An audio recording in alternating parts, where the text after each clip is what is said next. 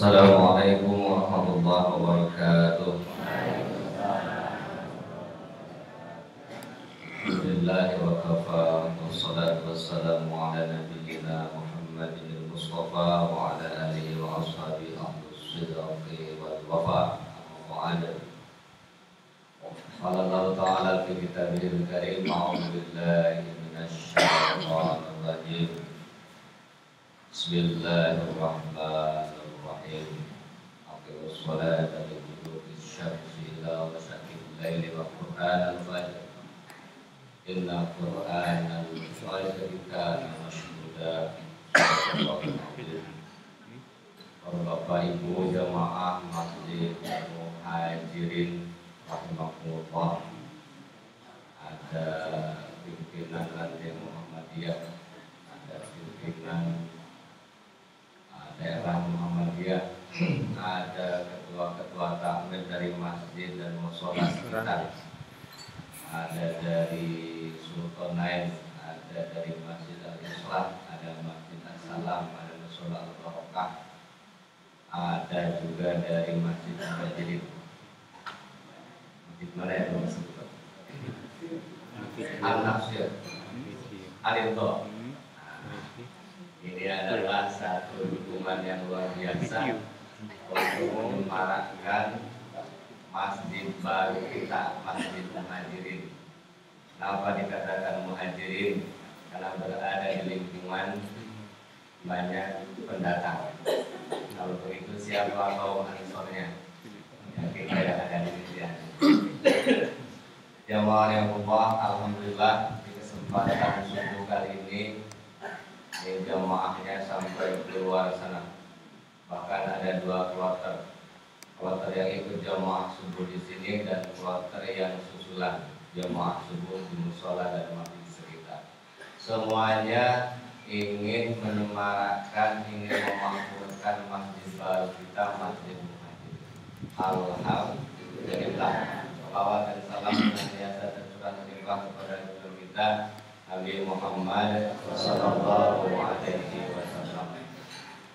Jemaah rahmatullah, kita bersyukur kepada Allah karena saat tadi jemaah ini sebagai gambaran bahwa nitian ini jemaahnya makmur. Bukti setiap pengajian dakwahnya banyak makanannya. Nah, hari ini pagi ini ada soto. Apa hubungan dakwah dengan soto? Ada hubungannya. Apa hubungannya? Kalau kita melihat dari kamus-kamus bahasa Arab, dari kamus lisan Arab, apa itu dakwah? Ada waktu ila to'am Dakwah itu seruan panggilan untuk makan awalnya Jadi cocok ini Jadi kalau ada yang mengatakan apa hubungannya pengajar dengan soto? Apa ada hubungannya? Apa hubungannya? Dakwah tidak to'am. Awalnya dakwah itu adalah seruan untuk makan. Artinya ketika dakwah itu Dakwah secara elegan Dakwah tidak radikal Dakwah yang menyenangkan. Apakah ada orang yang makan? Bentar-bentar. Ayo makan, ayo makan, diancam-ancam. Gak ada. Orang belum makan mesti baik-baik. Monggo dah. Monggo makan. Maka dakwah dan soto ada hubungannya. Nah gitu ya kalau sekarang Bapak Ibu Yusufi Soto itu artinya dakwah juga. Maka Ibu Bapak yang hadir di sini sebagaimana tadi samping menyemarakan dan memakmurkan Masjid Muhajirin, Ibu Bapak ke situ ke dalam rangka tolabul ilmi. Kenapa? Karena kita akan bahas beberapa ayat Al-Quran.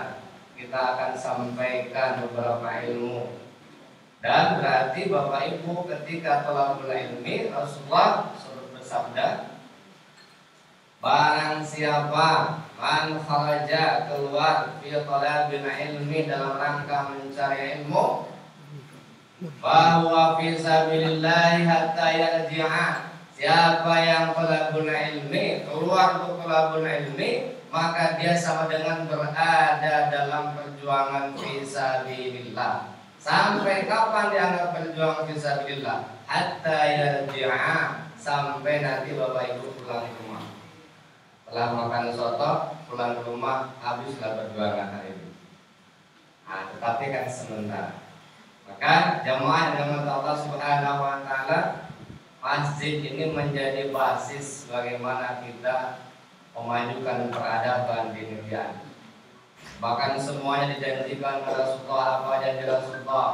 Man bana masjidan fil ard banallahu lahu baitan fil jannah. Siapa yang membangun masjid di muka bumi ini, maka Allah akan bangunkan untuknya satu rumah di surga.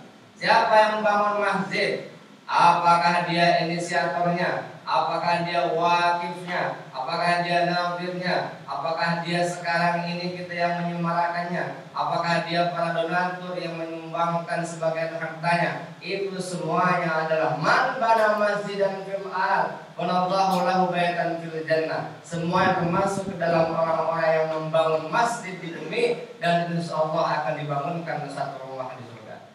Amin amin. Jemaah yang dirahmati Allah Subhanahu wa taala. Kesempatan subuh ini kalau melihat jemaah ya sampai dua jam lah pengajian. Kita adakan satu tema. Ya, temanya ya subuh menjadi titik tolak peradaban itu ya. Karena ini konteksnya subuh. Jamaah rahimahullah ada satu ayat dalam Al-Quran surah Al-Isra ayat 78 yang dibacakan di mukadimah tadi. A'udzu billahi minasyaitonir rajim. Aqimis salata liduluki syamsi ila ghasaqil laili wa qur'anil fajr. Inna qur'anal fajri kana masyhuda. Jadikanlah salat ketika tergelincirnya matahari sampai nanti datangnya waktu malam dan dirikanlah sholat fajar, sholat subuh. Inna Quran al-fajri kana masyhuda. Sesungguhnya bacaan termasuk bacaan Al-Quran di sholat fajar karena masyhuda disaksikan oleh para malaikat. Ketika tadi Ustaz kita kemudian mengimami sholat subuh, seluruh malaikat menyaksikan. Memang semua sholat disaksikan malaikat kan? Iya. Tetapi sholat subuh dia menyaksikannya lebih banyak. Kenapa? Karena di subuh ini ada sip-sip malaikat yang bertemu. Sehingga menyaksikanlah malaikat kepada kita yang sholat jamaah subuh. Inna Qur'an al-fajri kana masyhuda. Bahkan Quran di dalam ayat ini tidak pakai alif lam. Bukan innal Qur'an al-fajri kana masyhuda, tetapi inna Qur'an al-fajri kana masyhuda. Artinya apa? Kalau Quran pakai alif lam artinya khusus bacaan-bacaan dari ayat-ayat Al-Qur'an. Tapi ketika Quran tanpa alif lam berarti bacaan yang sikap sifatnya umum. Karena Quran berasal dari kata ayat Qur'anan Berarti apa pun yang dibaca pada jam subuh ini, baik itu bacaan Al-Quran maupun tasbih kita, tahmid kita, tahlil kita, la ilaha illallah kita, karena masyhuda disaksikan oleh para malam, para malaikat. Maka jemaah rahimahullah, ketika kita disaksikan oleh para malaikat, malaikat semuanya merasa senang. Allah membangga-banggakan depan para malaikat. Maka Rasulullah memberikan sebuah sabdanya, "Mensama'ah tidak ada suatu yang berkumpul kaumun fi baitin min buyutillah. Tidak ada satu kaum yang berkumpul di salah satu rumah Allah. Mana salah satu rumah Allahnya? Masjid Muhajirin. Majtama kaumun fi baitin min buyutillah. Ya sunnah kitab Allah dibacakan ayat-ayat Al-Quran Wa yatadarasunahu fima bainahum Dibacakan Al-Quran Kemudian dibahas itu ayat Al-Quran Tiga hal yang kita lakukan bersama kawan fi baiti min buyutillah. Kita sudah memulai di masjid. Masjid apa ini? Muhajirin. Sampai ada orang baru datang ke sini, Pak Bu, Masjid Muhajirin sebelah mana? Waduh, Muhajirin. Kalau ada Islam suruh kalian asal tahu saya. Kalau Muhajirin seperti ini belum ada. Wah, jangan sampai ada jawaban seperti itu. Kita hafalkan namanya Masjid Muhajirin. Masjid kaumun fi baitin min di masjid yang kedua, yasruna kitab Allah, dibacakan ayat-ayat Al-Quran. Yang ketiga, wa yatadarasunahu fima bainahum. Kemudian Al-Qur'annya dibahas. Illa kecuali Allah akan membalas kepada mereka dengan empat hal. Apa empat hal itu? Satu, nazalat alaihimus sakinah. Orang yang hadir di kesempatan pagi hari ini di Masjid Muhadir ini, nazalat alaihimus sakinah akan diberikan oleh Allah ketenangan. Kalau lihat nggak ada yang bisa tenang semua ya. Pojok sana itu tenang sekali. Tenang. Nazalat alaihimus sakinah. Yang kedua apa? Wasiat bihim rahmah Allah meliputi dengan kasih sayangnya Allah. Yang ketiga apa? Hafaz bihimul malaikat, dijaga oleh para malaikat. Wah, ini kan normatif sekali ini goib. Iya, karena hal-hal yang sifatnya goib dan normatif itulah yang akan menjadi dasar-dasar akidah kita, dasar-dasar akidah anak-anak kita. Kalau mereka sudah menafikan hal-hal yang gaib, mereka nanti akan masuk dalam pemikiran mereka hanya yang sifatnya empiris saja Wah kalau berwujud berarti ada, kalau tidak ada berarti gaib. Kalau gaib berarti artinya tidak ada. Bahkan itu hal yang salah dalam Islam. Karena dalam Islam gaib itu bukan tidak ada, tidak berwujud, tidak tam, tidak tampak padahal ada. Maka yang ketiga, apa sehingga malaikat? Dijaga oleh para malaikat. Dan yang keempat, Walakarahullahu fi man Allah membangga-banggakan kita semua depan para malaikat. Wahai malaikat tuh Dulu ketika aku menciptakan manusia, kamu kan protes. Ada jalu fiha, ma yufsidu fiha, wa yasfiku dima, ya Allah. Masa sih menciptakan satu makhluk di muka bumi yang biasanya bermusuhan menumpahkan darah. Kalau bisa mau saya ciptakan ya Allah. Kita ini awal dari bukan malaikat. Ada di makhluk yang benar apa enggak. Tapi ketika melihat ini Allah wa dzakarahu firman indah Allah membangga-banggakan kita di depan para malaikat. Jadi kita melakukan tiga hal ini balasannya empat. Hanya melakukan di masjid. Tapi ngumpul bukan sekedar ngumpul, bukan sekedar nyoto. Tapi kita ngumpulnya yang kedua ada ayat Quran yang dibacakan. Yang ketiga dibahas ayat Quran. Maka empat hal diturunkan Allah kepada kita. Insya, insya Allah. Jemaah yang dirahmati Allah Subhanahu wa taala. Dalam ayat tadi yang disebut Inna Quran al-Fajr kana mashhuda. Berarti yang pertama poin kita adalah ada satu keistimewaan ketika kita menyemarakkan waktu subuh. Maka Rasulullah dan para sahabat kalau membuat satu keputusan, membuat satu kebijakan biasanya menggunakan waktu setelah jamaah subuh. Wah, jadi nanti misalnya mungkin nanti Muhammadiyah mau mengadakan sebuah rapat. Nah, dalam undangannya rapat pimpinan ranting Muhammadiyah. Kapan waktunya di Masjid Muhajirin Ba'da subuh. Wah berarti biasa rapatnya Ba'da Isya. Ba'da subuh hal yang berat tapi waktunya luar biasa. Sebab waktu subuh itu menjadi salah satu waktu pilihan para sahabat termasuk pilihan Rasulullah Shallallahu Alaihi Wasallam. Yang di sini adalah insyaallah manusia-manusia pilihan. Jamaah Allah Subhanahu Wa Taala. Kembali ke poin pertama. Waktu subuh ini merupakan waktu yang istimewa. Maka yang namanya sholat subuh ini kaum Yahudi merasa gentar, merasa takut ketika setiap masjid terlihat jamaah subuhnya layaknya sholat Jumat.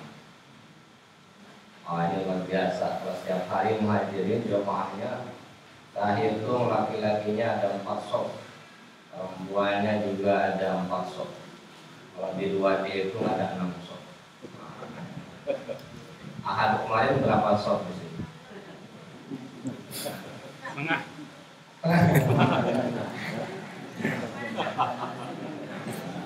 Artinya apa? Ini adalah kita dididik oleh Allah untuk menjinakkan kaki kita ke masjid dalam waktu subuh. Kenapa dijinakkan? Dengan satu tradisi yang disebut dengan pengajian Ahad Wabid. Tanggal 2 Januari Pak Widodo bincang-bincang dengan beberapa tokoh ini. Saya ikut mendengar saat itu. Di mana kalau kita semarakkan di Masjid Muhajirin ada satu kajian waktu subuh. Kita cari pasarannya. Wah, kita mau cari pasaran yang keenam nggak ada, cuma lima pasaran. Lagi baik pun wakil kelima. Baik sudah ada Islam. kedua Lebih ada barokah. kedua dari mana Salam. Ada apa? Keliawan assalam. Sultan lain setiap ahad sudah ada. Dipikir dan pikirlah akhirnya Wah kita adakan saja ahad waktu. Kemudian Pak Wek mengatakan Panan tolong ya mengawali pengajian ahad waktu. Nah, saat saat itu saya badan Masuk sekarang Tapi nggak apa-apa ya Orang sakit ngomong di depan nggak apa-apa ya. Nggak apa-apa Kadang orang gila juga boleh ngomong. Jemaah yang Allah subhanahu wa ta'ala. Maka yang namanya waktu subuh ini adalah waktu yang sangat istimewa. Bahkan Rasulullah berikan sebuah janji pada kita. Apa janjinya? Raka'at al-fajri khairun minad dunya wa ma fiha. Dua rakaat salat fajar lebih baik dari dunia beserta isinya. Salat fajar kalau salat wajib, salat subuh. Salat fajar kalau dikatakan salat sunat, maka salat sunnah qabliyah subuh. Jadi ada yang salat sunnah qabliyah subuhnya di masjid menghadiri. Ada yang salat sunnah qabliyah subuhnya di rumahnya masing-masing.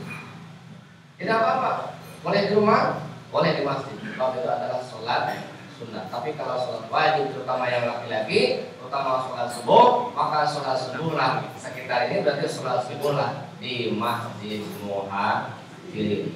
Sebab salah satu tanda laki-laki soleh adalah sholat jamaah di masjid.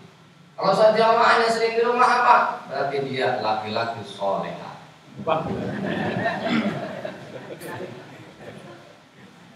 Soleh kan Jemaah Allah Subhanahu wa taala. Poin satu adalah tentang waktu subuh kita. Nah, jadi sekarang kita diingatkan lagi waktu subuh itu waktu yang sangat istimewa. Bahkan anak-anak kita bangunkan untuk ikut sholat subuh.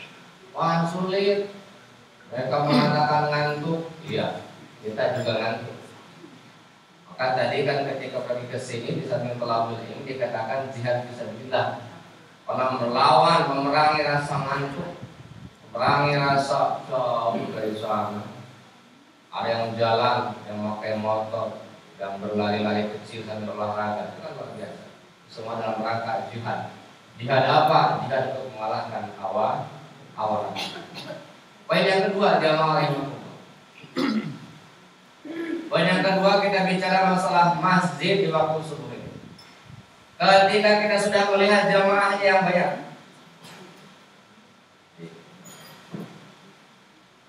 Ketika sudah melihat jamaah yang banyak Masjidnya yang luar biasa sudah mega gitu ya.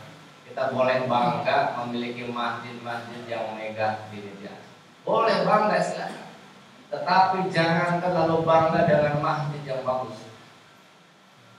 Lihat Masjid Hagia Sophia di Turki yang sekarang hanya tinggal kenangan, hanya sebuah museum saja. Lihat betapa megahnya Masjid Cordoba di Spanyol. Sekarang hanya tinggal kenangan saja. Bahkan di mikrobnya dipasang salib terbesar di Spanyol. Kurang megah seperti apa? Masjidnya megah, masjidnya bagus. Tapi kenapa? Tetapi yang memakmurkan tidak ada, terutama pemimpinnya tidak sanggup mempertahankan akidah-akidah rakyatnya saat. Maka kalau begitu poin kedua apa kita ambilnya? Masjid kita fungsikan sebagai al-ribal. Apa ribat itu? Benteng pertahanan kaum muslimin. Tantangan umat Islam itu minimal sekarang tiga. Satu, pemahamannya yang beragam. Yang kedua, ada tokoh-tokoh, mereka muslim tapi kadang sesat dan menyesatkan. Kemudian yang ketiga, imunitas kaum muslimin ini kadang rentan, kadang lemah. Imunitas itu kekebalan. Maka ada imuni imunisasi yang pertama tantangannya apa pemahaman kaum muslimin ini sangat beragam coba kita lihat di masjid Takbiratul ihram saja sudah beda-beda. Allahu akbar. Allahu akbar ada yang di bawah. Allahu akbar ada yang di bawah pusat. Ini masih dalam kategori Imam Syafi'i, masih Syafi'i yang di bawah pusat sudah Hanafi. Lagi enggak yang di bawahnya lagi? Enggak ada. Ada juga yang seperti ini Sudah beragam sebandingkan beragam lah apa yang disebut dengan pemahaman kaum muslimin. Maka itu tantangan. Bagaimana sudah tantangan itu tidak menjadi sebuah perpecahan, maka masjid menjadi benteng. Maka ketika di masjid ada saling menghargai mazhab. Oh, mazhab ini Hanafi. Oh, ini mazhab Syafi'i. Oh, tidak apa-apa. Itu adalah masih sunni, masih ahli sunnah wal jamaah asal masih empat mazhab mazhab Hanafi, mazhab Maliki, mazhab Syafi'i, mazhab kembali. Akan begitu. Tetapi ketika orang itu tidak mau ke masjid, maka dia pemahamannya seperti orang gali sumur, dalamnya dalam tapi tidak melebar. Sehingga apa? Wah salah, saling salah menyalahkan. Dan ketika umat Islam hanya saling menyalahkan dalam masalah mazhab, mereka lupa bidang ekonomi, lupa bidang politik. Akhirnya apa? Politik dikuasai oleh non muslim, politik dikuasai non muslim, ekonomi dikuasai juga oleh non muslim. Apakah tidak penting pemahaman agama? Penting. Tetapi ekonomi dan politik juga penting.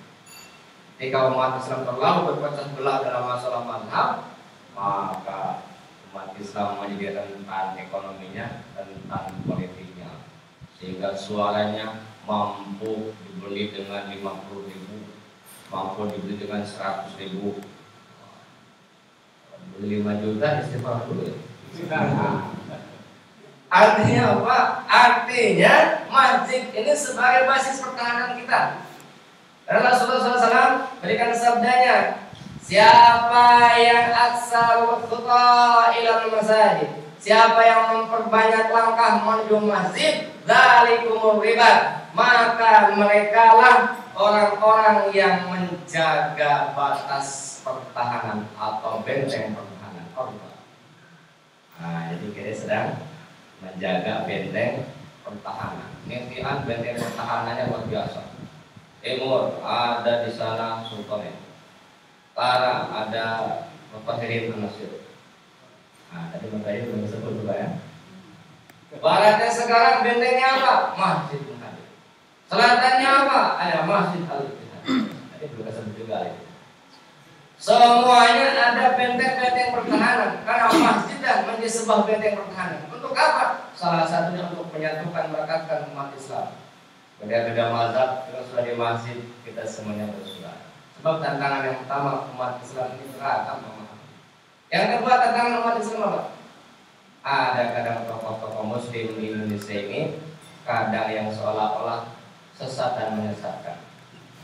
Ada satu tokoh, seorang profesor, dia mengatakan kalau sholat itu jarang-jarang maka di sela-sela sholat itu iblis akan masuk.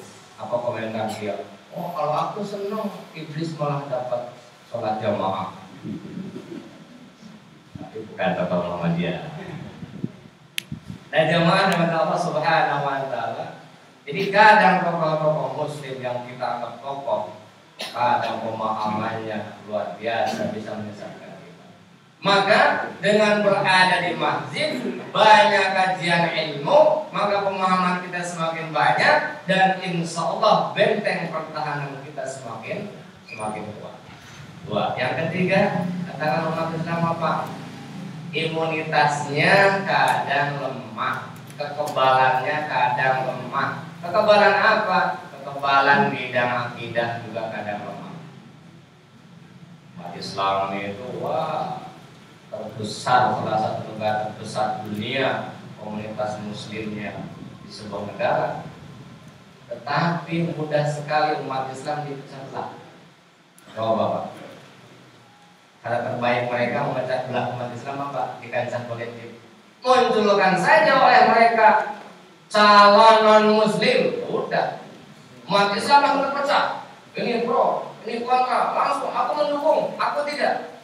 Itu kenapa? Imunitas kita lemah.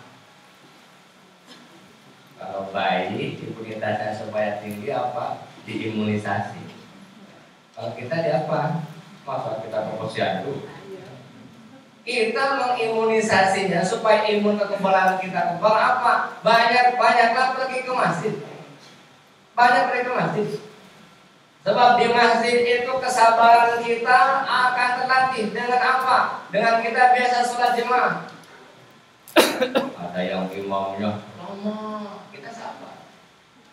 Ada yang pola imam itu kalau sudah sujud terakhir lamanya setengah rakaat. Sujud terakhir. Ada lagi kalau sudah ruku yang pertama dilamakan. Apakah itu salah? Tidak, masing-masing punya kebijakan.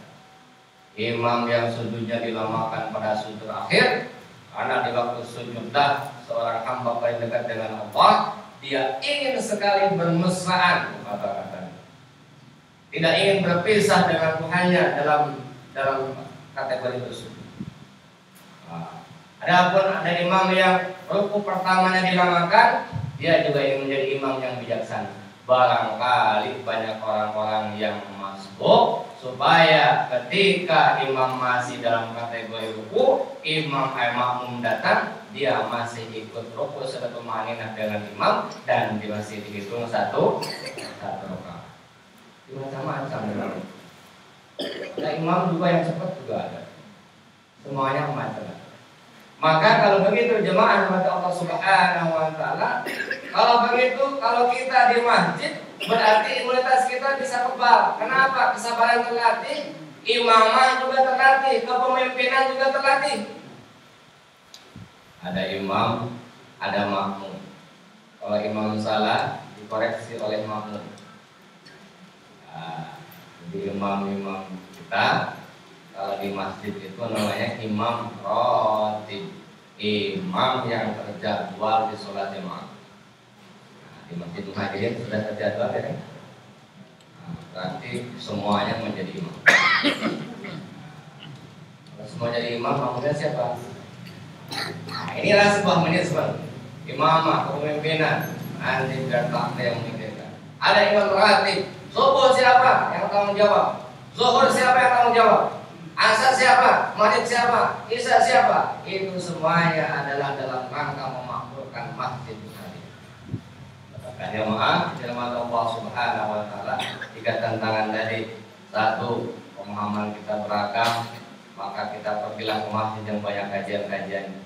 Yang kedua, tokoh-tokoh muslim yang ada menurut kita, oh seperti itu pemahamannya.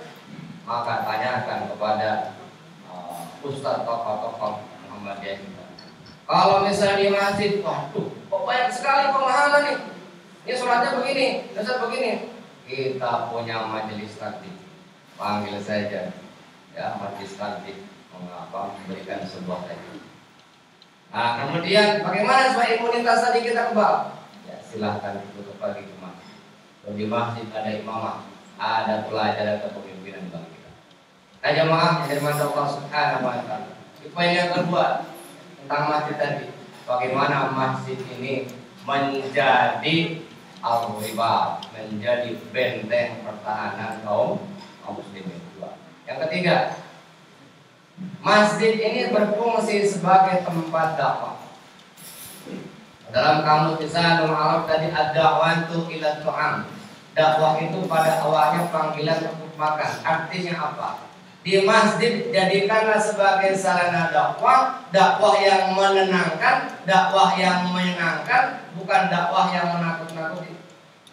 Bukan dakwah yang sentimen, tapi dakwah yang penuh dengan argumen. Nah, jamaah atau sholat, alhamdulillah di ini setiap masjidnya digunakan secara optimal untuk berdakwah. Baik itu masjid maupun musola. Ini sebuah bekal yang luar biasa bagi kita. Karena apa? Karena di masjidlah anak-anak ini akan Jadi bagaimana mereka menjadi dai yang dai, dai dan dai. Ya, walaupun kita sudah memiliki dai, Pak Dai standar. Semua generasi kita kalau mereka tidak dilibatkan untuk betah di masjid, lalu siapa yang akan memajukan dan meneruskan masjid? Makanya kalau ada masjid musola ramai oleh anak-anak, yakinlah masjid musola itu panjang usianya. Tapi kalau masjid dan musola hanya ramai oleh kawak-kawak saja, maka dipertanyakan berapa tahun ini bertahannya? Karena apa? Yang akan menggantikan nanti takbir imam muazin di masjid-masjid bukan kita. Bukan itu 17 tahun ke atas tahu berapa puluh lebihnya anak-anak kita anak-anak kita ajak masjid dan saya sudah suka mengatakan anak-anak jangan disuruh sholat anak-anak jangan disuruh ngaji tuh kenapa Jangan disuruh ngaji, jangan disuruh sholat, tapi anak-anak ajak sholat. Ayo dia sholat. Mana? Mau ngaji? Gimana mau ngaji itu? Wah, belum tahu ya aja. Itu namanya ngajak, bukan hanya memerintah. Kalau memerintah, deh sholat. Dan bapak, oh beda aku. Maka haruslah kita menjadi teladan bagi anak-anak kita dalam hal memakmurkan masjid.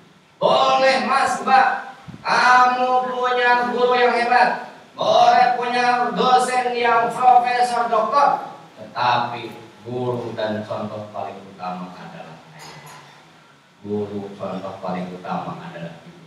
Harus begitu pak. Dan kita harus sembuh itu. Jangan sampai anak berkomentar, wah tahu sholat kok jadi contoh. Artinya apa? Jamaah rahimahullah. Artinya kita mari menjadi teladan anak dalam hal memakmurkan masjid. Jadi tiga poin yang disampaikan dalam kesempatan subuh kali ini karena aroma soto sudah tercium bijak panjang-panjang. Intinya jemaah rahmatullah ini adalah sebuah awalan yang baik dari kita untuk memakmurkan masjid. Insya Allah mudah-mudahan kita istiqomah selamat setiap ahad wajib. Ini adalah tradisi tradisi yang baik. Tapi ada akulturasi ada ajaran Islam ada adat setempat. Ada setempatnya apa? Pasar wakia Islamnya apa? Dakwah Islam dengan adat yang baik digabung menjadi sebuah tradisi. Maaf Allah Subhanahu Wa Taala maaf segala kekurangan dalam menyampaikan mudah-mudahan disampaikan bisa menjadi semangat iman dan takwa mudah. Kita amalkan apa yang kita mampu amalkan dan kita sampaikan kepada orang lain yang belum mengetahui. Insya Allah. Mari kita akhiri yang sembuh kita dengan bersama-sama melakukan doa Subhanallah ya Asyhadu an la ilaha illa anta astaghfiruka wa atubu ilaik. La ilaha illallah. Wassalamualaikum warahmatullahi wabarakatuh.